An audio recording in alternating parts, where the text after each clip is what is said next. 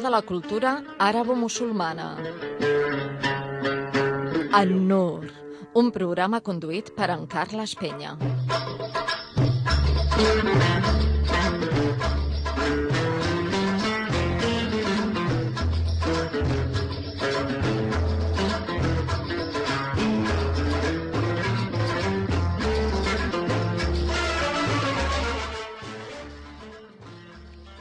Bona tarda i benvinguts a un nou programa d'en Nur, avui 23 de novembre de 2016. Uh, bona tarda, Duà. Molt bona tarda. Avui tenim amb nosaltres la Duà Harrup, que ara feia uns dies que no, Que no, està venies. aquí, sí, sí. Benvinguda. Gràcies. I a l'altre cantó del fil telefònic tenim avui el Sheikh Mansur Mota. Bona tarda, Mansur. Bona tarda, com esteu? Molt bé. I tu? Aquí estem. Com va per València? Bé? Bé, bé, un poquet de pluja, però molt bé. Bueno, ja va bé, no? Sí. El Sheikh Mansur Mota, eh, avui, bueno, ja no és la primera vegada que ve al programa, ja havies estat fa uns mesos, però avui el tenim aquí eh, perquè acaba de, de publicar un llibre que es diu De què habla el Coran, eh, del qual volem parlar-ne, doncs, bueno, al qual dedicarem el, el programa d'avui. És un llibre, vols, mm, és un llibre que té diversa, diversos apartats, Uh, el primer apartat és el Coran, libro divino i revelado. No sé, ens, pots explicar una mica què, què pretenies a l'hora de- d'escriure de, el llibre? Quina és la, la finalitat de- d'haver escrit aquest llibre? Sí, sí, primer, disculpa'm tu i la teua audiència parlar en castellà perquè m'exprimís millor en, en No castellà. tenim cap problema. Sí, pues eh, la idea que tuve, este libro vino con la idea eh, de una situación en la que nos encontramos muchos musulmanes es y es la y es la siguiente, ¿no? En que alguien, pues, que no conoce nada del Islam, alguien ajeno al Islam o que conoce un, un poquito y quisiera saber más, a veces, pues, te hace la la pregunta recurrente de dice oye pues hay algún libro donde yo pueda aprender algo más del, del Corán o sobre el Islam y la verdad que cuando uno le plantean esta pregunta eh, se encuentra ante un dilema porque eh, primero en, en la lengua española castellana y en otras lenguas de la península pues hay muy poca literatura todavía. Bueno hay mucho hay más que antes pero aún así es es poco si lo comparamos con países como Francia o Inglaterra no y este te encuentras ante un, ante un dilema porque aparte de la escasez de una producción literaria del Islam pues mm, hay libros que hablan sobre el Islam pero lo hacen desde un, desde aspectos diversos no particulares. Y a veces también te encuentras con el problema de malas traducciones que no, no transmiten correctamente pues lo que ha querido decir el, el- el autor en su libro o también libros pues que a lo mejor están bien pero tocan simplemente una parte ¿no? concreta del Islam y no, no en su globalidad y el fin que yo eh, perseguí con, al componer este libro pues será que aquella persona que se acercase a este libro y lo leyese pues tuviera una, una imagen lo más completa posible del Islam, sabiendo que siempre iba a ser un, un, un discurso muy muy genérico, ¿no? Pero por lo menos que se llevase una, una imagen lo más amplia posible y a la vez lo correcta, ¿no? Ah, porque tú, tú crees, por ejemplo, que puede ser ah, contraproducente incluso que la gente se acerque a- a- al conocimiento del Islam directamente con la lectura del yendo directamente a la lectura del Corán sobre todo por el hecho de que de que claro que aquí la gente que no sepa árabe pues no tiene más remedio que ir a parar a una a una traducción Sí, sí que puede ser contraproducente porque eh, aparte de que, bueno, aunque uno supiese árabe, ello no implica de que va a compre- comprender correctamente lo que el Islam transmite, cuáles son mm, los preceptos que contiene y muchas otras cosas, porque hay que conocer una serie de disciplinas bastante, bastante complejas ¿no? y, y profundas. Aparte de eso, pues eh, si se desconoce lo que es la historia del Islam, de que hay versículos del Corán, del Corán o aleyas que están abrogados, que hay, hay también partes del Corán que nos hacen referencia a un momento determinado de la revelación y que no es aplicable a, hoy mismo porque hacía referencia a esas personas que estaban conviviendo con, la revelación del Corán y aspectos concretos del desarrollo en el que iba en el que se iba haciendo el, advenimiento del Islam pues eso hace que se saquen no, no ya que se saquen versículos de su contexto, porque eso desgraciadamente se hace con el Corán y con otros libros, sino también que uno se haga una idea incorrecta de, cosas que sí que es cierto que vienen en el Corán, pero que responden a unas circunstancias muy concretas y muy especificadas y que además ya están estudiadas y explicadas. Pero al no conocerse, pues se pueden hacer mm, interpretaciones que no solo son malas interpretaciones, sino que incluso pueden contradecir pues conceptos muy básicos del Islam. Y a pesar de todo, en uno de los capítulos del libro uh, lleva el título del Corán un libro accesible.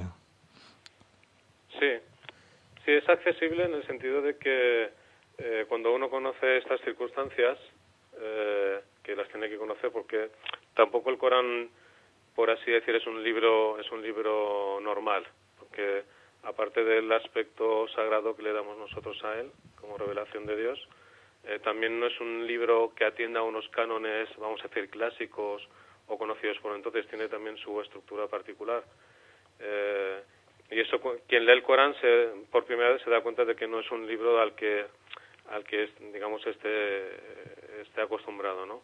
Tiene su, su, propia, su propio discurso y su propia estructura. Eh, pero no por ello es el Islam no es el Corán no es un libro que sea que, tenga un lenguaje ambiguo que tenga un lenguaje eh, filosófico muy truncado que sea incluso difícil de, de hilvanar o de comprender sino que es tiene un mensaje muy sencillo muy directo y que, y que pueden comprenderlo personas eh, pues cultas y personas menos formadas. En lo que esta es muy buena pregunta la que me has hecho porque yo me refería a lo de antes a, a ciertas aleyas que hablan, por ejemplo, de pues algunas luchas que tuvieron los, los musulmanes en el momento de la revelación, los primeros musulmanes, que se, deben a, conflictos pues como comunidad que tuvieron contra otros pues que les declararon animadversión por haber aceptado otro mensaje y pues como tal pues tenían que defenderse y claro si eso uno no comprende exactamente en qué en qué circunstancias se dieron estas revelaciones y estos discursos, pues mm, sin duda alguna el mismo va a hacer una mala interpretación porque desconoce este, estos contextos. A lo largo del libro pones mucho hincapié en, las dos vertientes del, del Corán, una, una vertiente más espiritual y la otra más, más, social, la que habla, bueno, de, más, bueno, la, la, la vertiente legislativa o que habla más de, moral respecto a la parte a la parte espiritual. yo, bueno, hace poco, hace pocas semanas tuve la, la suerte de, estar en una charla tuya aquí en el Prat y hablabas de este aspecto, ¿no? del Islam como del aspecto vertical y horizontal del, del Islam, ¿no? Sí, esto es, una, es un aspecto en el que el Islam hace mucho hincapié. Y, y de ahí viene el hecho de que no es porque tengamos una, un, un, rechazo al término, en este caso el término religión, pero sí que los musulmanes hay un, hay un término que es el que solemos utilizar nosotros, que es el término din, que viene del árabe, porque si el Islam nos enseñase únicamente cuál es la relación que debe tener el ser humano con Dios, pues diríamos que el Islam es una, únicamente una religión, porque enseña al ser humano a cómo, cómo religar ¿no? de, esa, de esa raíz etimológica, cómo volver a enlazar esa relación del ser humano con su creador. Pero como el Islam también nos enseña y hace mucho hincapié de que tiene el mismo valor esa relación que nosotros tenemos que tener con Dios, tenemos que tener también una relación eh, con, con, el resto de nuestros congéneres humanos. Eh, primero con nosotros mismos, que es lo que nos enseña mucho el Islam, aprender a conocernos a nosotros mismos para que podamos luego, a través de, esa, de, ese, de ese conocimiento mutuo nuestro, eh, conocer a los demás, conocer nuestra familia, a nuestros vecinos y, y pues los individuos de, que conviven con nosotros en la sociedad. Entonces, en el Islam tiene tanto valor eh, y tanto rango esta relación entre nosotros y Dios como nuestra relación con el resto de las personas y cómo el Corán nos hace hincapié en el sentido de que mm, uno no es un buen musulmán, eh, o sea, no vale eh, hacer buenas oraciones y hacer bien, buenos ayunos, etcétera, si, si tiene descuidada esa parte, pues, esa parte social y esa parte, digamos, ética con el resto de personas. Entonces, incluso hay textos que nos indican que uno puede venir, eh, puede sentarse con muchas buenas obras, obras piadosas frente a Dios, pero si ha sido negligente en su otra parte, también lo Dios lo va a tener en cuenta, incluso puede que salga perdiendo al final. Tú eres licenciado en lengua árabe y en teología y jurisprudencia islámica por la Universidad Francesa de Estudios Islámicos y Humanistas de Château-Chinon. Sí. Ah, por lo tanto, bueno, eres especialista también en jurisprudencia, en, en FIC, ¿no? Sí. Y como tal, dinos, porque continuamente vemos, en, eh, oímos en las noticias, bueno, en todos los medios de comunicación, que se habla pues de algunos países que practican la, la Sharia o la, ley islámica, y, pero siempre nos lo plantean ah, con connotaciones muy negativas, ¿no? Mm, explícanos un poco Primero, ¿cuál sería el concepto de, de, este concepto de fiqh o de, jurisprudencia islámica? Y también si dentro de, este, de esta categoría hay, hay diversas, bueno, diversas ramas o diversas interpretaciones. Sí, bueno, esta, cuestión esto requiere de, mucha de muchas horas de, análisis ¿no? y, sobre todo de, conocimiento, porque ahí sí que hay una gran eh, hay un gran desconocimiento y, confusión sobre estos términos, ¿no? Primero, si, hay un, si hay un término que ha sido muy pervertido desde, ambos, desde ambas partes, es decir, desde conocidos y forasteros respecto al Islam, es el término Sharia. Porque yo pongo este ejemplo, ¿no? Cuando vemos cierta gente que hace apelamiento, de decir, no, hay que, hay que gobernar con la Sharia. Eh, Parece, parece que dan a entender que la Sharia es como una enciclopedia Larousse, que se vende por una enciclopedia, la tienes ahí en tu armario y, cuando uno puede, pues la aplica según puede, ¿no? Y eso, eso no es así. Primero, que aunque la gente no se lo crea, si tú vas a una biblioteca islámica o una librería islámica, tú pides un libro de Sharia, no te lo van a dar porque no existen libros de Sharia. Y me explico por qué. Porque en sí el término Sharia viene de la raíz árabe shara, que significa legislar. Entonces la sharia se suele traducir pues por jurisprudencia o legislación y hace eh, pues hace, tiene relación directamente con todo aquello que Dios ha legislado a, sus, a sus siervos. ¿Y qué, es esta legislación? Pues absolutamente todo. Desde cómo orar, cómo ayunar, cómo relacionarse con los vecinos, cómo repartir una herencia, eh, etcétera. Es absolutamente todo lo que Dios ha legislado en cuanto a la práctica de, de, lo que es el Islam, ¿no? Y luego encontramos el otro término al que tú has hecho referencia, porque además esto se suele, se suele citar cuando se habla de la Sharia, que es el fiqh.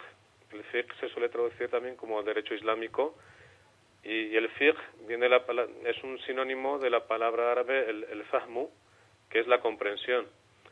Entonces podemos decir que ese sentido etimológico viene de, a partir de la comprensión que tenemos nosotros de, los textos revelados. Aunque sí que es cierto pues que con el tiempo ha ido derivándose y concretándose la palabra fiqh a lo, a lo más, digamos, concretamente a lo que es el derecho islámico, ¿no? Pero en sí el fiqh en los primeros tiempos era absolutamente todo, es decir, eh, tanto, digamos que era el trabajo académico que es resultante pues del, del, estudio y la comprensión de los textos. Es decir, cómo tengo que hacer la oración, cómo tengo que comportarme con mis vecinos, cómo tengo que dar tal limosna, cómo tengo que, que llevar una sociedad, etcétera, etcétera. Entonces, sobre esto, desgraciadamente, sí que hay mucha confusión. Y yo suelo poner este ejemplo de cuando la gente dice, no, aquí vamos a aplicar la Sharia. Lo que están queriendo decir, por terminar un, un término vamos a decir castellano castizo, es como cuando se dice aquí hay que, aquí hay que gobernar como Dios manda. Entonces esto sería un poco el paralelismo, es decir, nosotros queremos pues llevar un poco las cosas como en base a que somos creyentes en base a, esa, esos principios. Pero, como he dicho antes, tanto por un lado como por otros se, se pervierte mucho el término, incluso por actitudes de ciertas partes de gente del mundo islámico, pues dan esas connotaciones negativas porque realmente están invitando incluso a cosas que mucho, la mayoría de los musulmanes eh, tienen repulsa absoluta y, y están contrarios totalmente a esos movimientos. Sheikh, entonces, em, como, como tú has dicho, eh, no hay, si vas a una librería islámica no te van a dar un, un libro sobre fiqh o sobre sharia, pero entonces todo este fiqh y sharia viene del Corán, ¿no? Sí, sí, libros de fiqh, por ejemplo, sí que hay. Si tú buscas libros de fiqh, te van a hablar, pues, eso del derecho islámico o escuelas de derecho islámico o un libro que te hable sobre el derecho, o sea, lo que tiene que ver el derecho islámico de los actos de servidumbre o transacciones económicas, etcétera. Pero un libro estrictamente de Sharia no lo hay porque, claro, estás haciendo un concepto muy genérico. Entonces, si, si, si se ha definido la Sharia como es aquello que todo cuanto Dios ha legislado en cuanto a la práctica del din, eh, entra absolutamente todo. Entonces uno tendría que especificar, quiero, quiero un libro sobre Akida, de, creencia islámica, aquí un libro sobre espiritualidad. Pues entonces, porque eso también es Sharia, o sea, un libro de espiritualidad es Sharia en tanto en cuanto nos enseña a cómo mm, establecer esa relación espiritual a través de los modos y las formas que Dios ha dispuesto, porque aparte, aunque en sí lo espiritual pues es algo intangible y es un, es un sentimiento espiritual interno, también sí que hay unos, unas formas y unos modos en, en cuanto eso se practica. Y eso es parte de la Sharia también. Pero en cuanto, si uno dice, es que quiero un libro sobre legislación, ¿no? Tendrá que decir, bueno, ¿de qué legislación o de, qué exactamente qué es lo que uno quiere, ¿no? Entonces, a veces se pervierte el término porque al ser utilizado incorrectamente, pues lleva a esta, a esta confusión, ¿no? En el último capítulo del libro, que también es el más, el más largo, que es eh, teleología coránica, aquí desarrollas aspectos que son, bueno, quizás los más polémicos cuando se habla de, bueno, en este, en este ahora mismo en este, eh, en el estado que estamos, ¿no? Que, que, el Islam es como le viene a ser, eh, se presenta como el enemigo de, de, de todo, ¿no? Uh, por ejemplo, hablas de, del, del, concepto de justicia universal dentro del Corán. Explícanos un poco un desarrollo. Sí, sí eh, he intentado plasmar en el libro es, es lo que bueno lo que nos enseña el Islam y es lo siguiente. Eh, como dicen los sabios, los textos revelados son limitados porque no, no, son, no es una enciclopedia, es una serie de textos pero cuyo fin eh, que Dios ha querido con ellos y cuyo fin ha buscado es el de transmitirnos una serie de valores y principios. Eh, ¿Por qué? Porque los acontecimientos que pueden desarrollarse en la vida de un ser humano a nivel individual o colectivo eh, son innumerables. Entonces, claro, tú no puedes tener, Dios no podría haberlo hecho, ¿no? Pero claro, eso sería algo sería algo imposible ¿no? para el ser humano cargar con... Es decir, no es una enciclopedia de derecho donde uno encuentre la respuesta correcta y concreta para cada situación. Lo que sí nos ha transmitido el Corán es esa, esa teleología, esa ciencia de los fines, para que nosotros comprendamos que hay una serie de principios que, que Dios quiere que, que el musulmán lleve a la práctica. Además, son principios universales que, toda persona de bien eh, defiende y toma como suyos, como son la justicia, la equidad, la tolerancia, etcétera. Entonces, lo que nos enseña el Islam es que tengamos muy presente esos valores y esos principios porque eh, uno los, tiene que aplicar en, consigo mismo, en su casa y en su sociedad. Y entonces, eh, que van a darse acontecimientos y hechos en la sociedad y como, digamos como la humanidad eh, van a ser innumerables Entonces lo importante es conocer muy bien esos principios para luego saber aplicarlos correctamente en cada una de esas situaciones. Entonces no existe, digamos, la, enciclopedia mágica donde uno busca el problema X, lo va a encontrar y tiene la varita mágica para aplicarlo. No, no, no, no, funciona así, ¿no? Tiene que aprenderse pues estos valores muy bien y luego pues, saber aplicarlos en cada situación. Y también dentro de este, de este apartado hablas de la igualdad espiritual y humana entre hombre y mujer, que también es de aquellos aspectos de dentro del, del Islam que provocan cierta polémica en bueno a nivel general, a nivel mediático. Sí, aquí eh, también, claro, eh, al ser un libro divulgativo, uno pues no, yo no he querido extenderme mucho porque bueno, tampoco era no era el fin del libro, sino el libro se podía, como he intentado abarcar absolutamente todo lo que transmite el Islam, extenderme cada uno de los puntos, eh, pues yo me, había traspasado ¿no? mi propio objetivo. ¿no? Lo que he intentado poner aquí es que, primero, eso, cuando suelen hacer la pregunta de cuál es el papel de la mujer en el Islam, eh, pues yo suelo responder pues el, mismo que el hombre, es servir a Dios. Entonces, eh, ahí escribo de que, desgraciadamente, y es cierto, pues históricamente la mujer pues ha sufrido discriminación durante muchos siglos, miles de años, y el Islam ha venido a otorgarle a una mujer derechos que para aquella época, incluso hoy día, vamos, son, en muchas sociedades son imposibles de encontrar. ¿Qué es lo que ocurre? Que si hay sociedades, como digo en el libro, sean eh, sociedades de tradición islámica, sean árabes o no, donde la mujer sufre, pues bueno, no, no disfruta de muchos de sus derechos, eh, sufre discriminación e eh, discriminación eh, no, es, no es por culpa del Islam, sino que es por culpa de, de esos estados o regímenes en, los que estas mujeres viven y que por desgracia no es únicamente la mujer la que sufre esta, discrimina, esta discriminación y esta, esta violencia, sino que la sufre toda la sociedad. Pasa que, claro, cuando nos encontramos en regímenes donde uno no puede, no tiene derechos prácticamente, pues desgraciadamente pues en muchos casos las, las personas más vulnerables pues son las que sufren más no entonces no es un tema de si el Islam no, no, no otorga ciertos derechos a la mujer sino es el problema de ciertos contextos.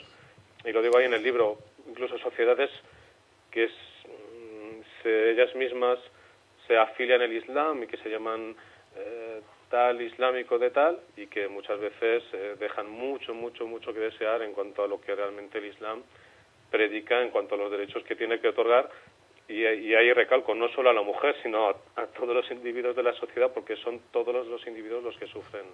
Porque al final aunque fuese únicamente la mujer la que sufriese discriminación al final lo sufre toda la sociedad porque la mujer es un pilar fundamental en la sociedad. Entonces si una mujer está discriminada en la sociedad lo padece toda toda la sociedad. Ah, pues Mansur mm, tenemos que dejarlo aquí para los oyentes decirles bueno que el libro del que estamos hablando es de qué habla el Corán. Ah, el autor es Vicente Mota. Se trata de una autoedición, con lo cual si algún oyente está interesado en, adquirir el libro, pues lo, bueno que se ponga en contacto contigo o, o a través de, también del programa. Nosotros podemos hacer también de, de enlace, o no sé si quieres decir tú, tienes algún algún correo electrónico o algún teléfono al que los siguientes se puedan dirigir para, para conseguir el libro. Sí, yo tengo, la gente puede dirigirse a mí a través del chat del Facebook.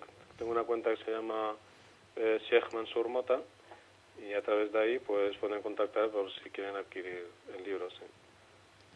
Y bueno, no olvidéis también a los oyentes que este libro os va a dar la oportunidad de conocer al Islam Em, como habéis estado escuchando durante el programa de hoy, em, nuestro Sheikh ha intentado em, explicaros de la mejor manera posible eh, muchos aspectos del Islam y esperamos que os lo podáis leer y pues tener menos, llegar a tener menos prejuicios del Islam de los que se tienen. Muchas gracias, Sheikh, y muchas gracias a los oyentes. Gracias por, por estar con nosotros, Mansur. Buenas tardes. Doncs aquí s'acaba el programa d'avui. Recordeu que el podeu escoltar un altre cop per la sintonia de Ràdio Mollet el proper diumenge, dia 27, a partir de les 6 de la tarda. I sempre que vulgueu, a partir dels enllaços que pengem tant al nostre perfil de Facebook en un espai radiofònic, com a través del podcast penjat a la pàgina de web de Ràdio Mollet, radiomollet.com. Molt bona tarda. Molt bona tarda. I ens tornem a trobar la setmana vinent.